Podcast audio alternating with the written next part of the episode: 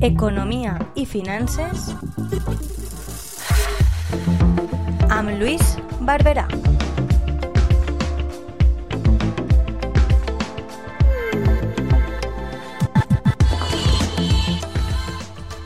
Hola de nuevo, estimados amigos y amigas de la Tua Radio.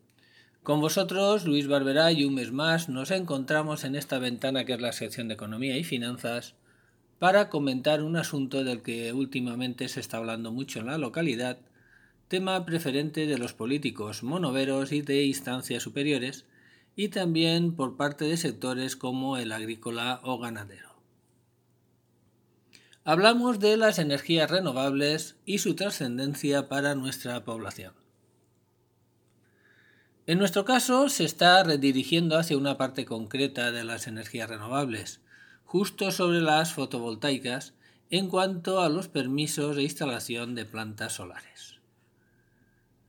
Todos somos conocedores de las ventajas de las energías renovables.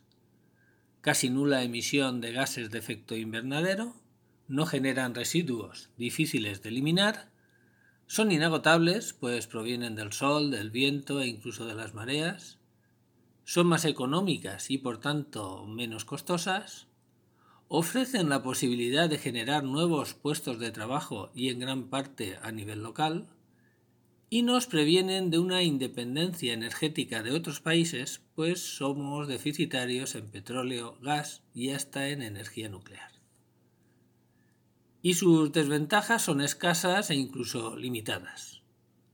Algún efecto negativo sobre el ecosistema y que la obtención de energía no regular, ya que depende de si hay viento, si hace sol, eh, por ejemplo. Aún así, las ventajas son muy superiores, como hemos visto, y las desventajas, sobre todo en los efectos sobre los ecosistemas de algunas plantas y animales, se pueden mitigar, por lo que a todos nos extraña que no se hubieran puesto medidas ya hace tiempo. Pero aquí tenemos que contar con las poderosas fuerzas coyunturales y políticas y la trascendencia económica de un cambio tan brusco, que a veces no nos es entendible, pero que si analizamos no solo efectos económicos, sino también del trabajo de las personas, incluso podemos llegar a comprender. Eh, no obstante, la situación del planeta y de nuestra supervivencia como especies eh, tenemos que tener claro que está en juego.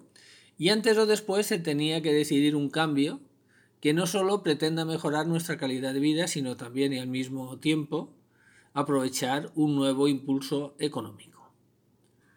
Así que vamos a explicitar el porqué de la, digamos, movida que se está produciendo, pues hay un porqué que lo explica.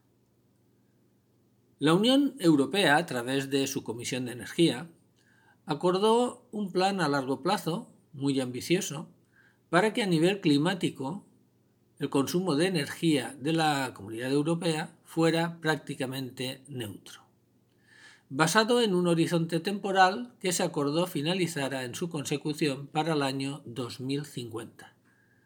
Y para ello demandó a cada Estado miembro la presentación de un plan. En nuestro caso, España preparó el 20 de enero de 2020 su plan, al que denominó Plan Nacional Integrado de Energía y Clima 2021-2030, buscando unos objetivos mínimos de cumplimiento que le sirvieran de catapulta para llegar al objetivo final europeo del 2050. Los objetivos concretos del plan español se basan en lo siguiente un 23% de reducción de emisiones de gases de efecto invernadero respecto a los datos de 1990. El que se especifique sobre los datos de ese año no es una idea española, sino una norma de la Unión Europea.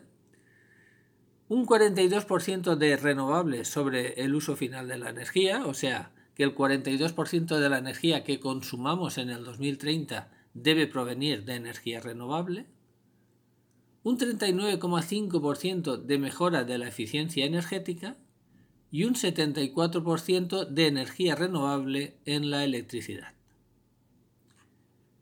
Las inversiones totales previstas desde este mismo 2021 hasta el 2030 para lograr este ambicioso plan En nuestro caso, en el caso español, alcanzan los 241.412 millones de euros, que se han dividido de la siguiente manera.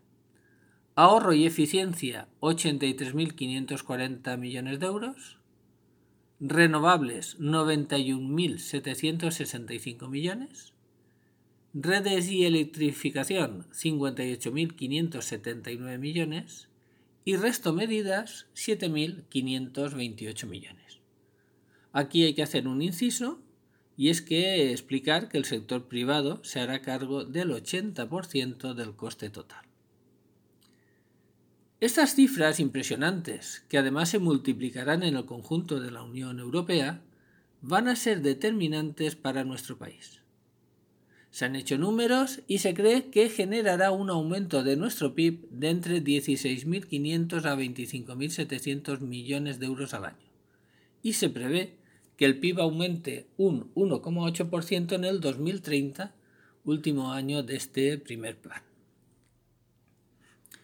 En los impactos distributivos, este cambio de la energía debería favorecer a los hogares con rentas medias y bajas y a colectivos vulnerables, que es otro objetivo que pretende la Unión, aparte de la mejora del medio ambiente. Teóricamente debería ser así por simple cálculo matemático, y es que si el gasto en luz, gasolina, gas, gasoil, etc. disminuye nuestra renta, si su coste se rebaja sustancialmente, nuestra liquidez de disponible será mayor. Esperemos aquí que la rapiña con los impuestos no fije sus ojos y deje que haya mayor liquidez en el mercado, que a su vez aumentará los flujos económicos. Y aun entendiendo que el sector privado tenga que resarcirse de su inversión, se controlen los precios de mercado por los organismos pertinentes.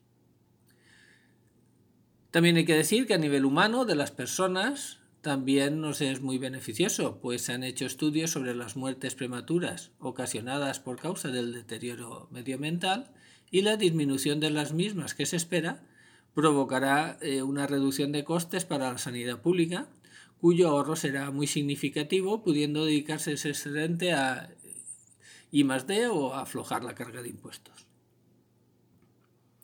Solo me queda proponer una última reflexión y esta a nivel más bien local, y es que, apreciados y estimados amigos y amigas políticos monoveros, así como asociaciones medioambientales y otras, estamos sin dudar todos en la defensa de determinados parajes de especial relevancia, en la defensa de la flora y fauna, en el control y previsión del deterioro sobre los trabajos que vayan a realizar las empresas, incluso hasta en la circulación de personas y bestiaje, sin olvidar el posible futuro deterioro o abandono de las infraestructuras que hasta puedan llegar a ser obsoletas en el tiempo.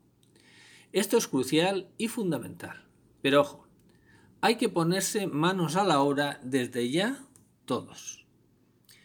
Los impedimentos, retrasos y pérdidas de tiempo provocarán que las inversiones que ya están en marcha, que son una realidad, que están ahí, se vayan a las poblaciones vecinas.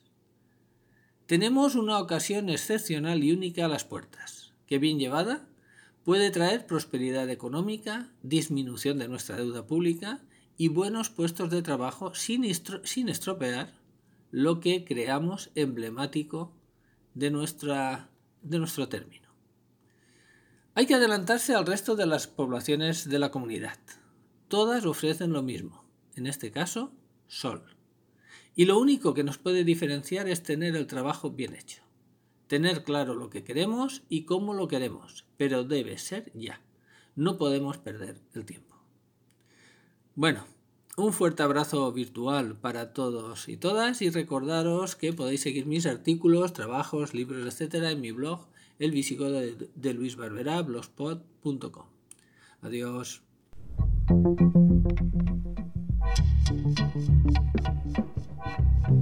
Economia i finances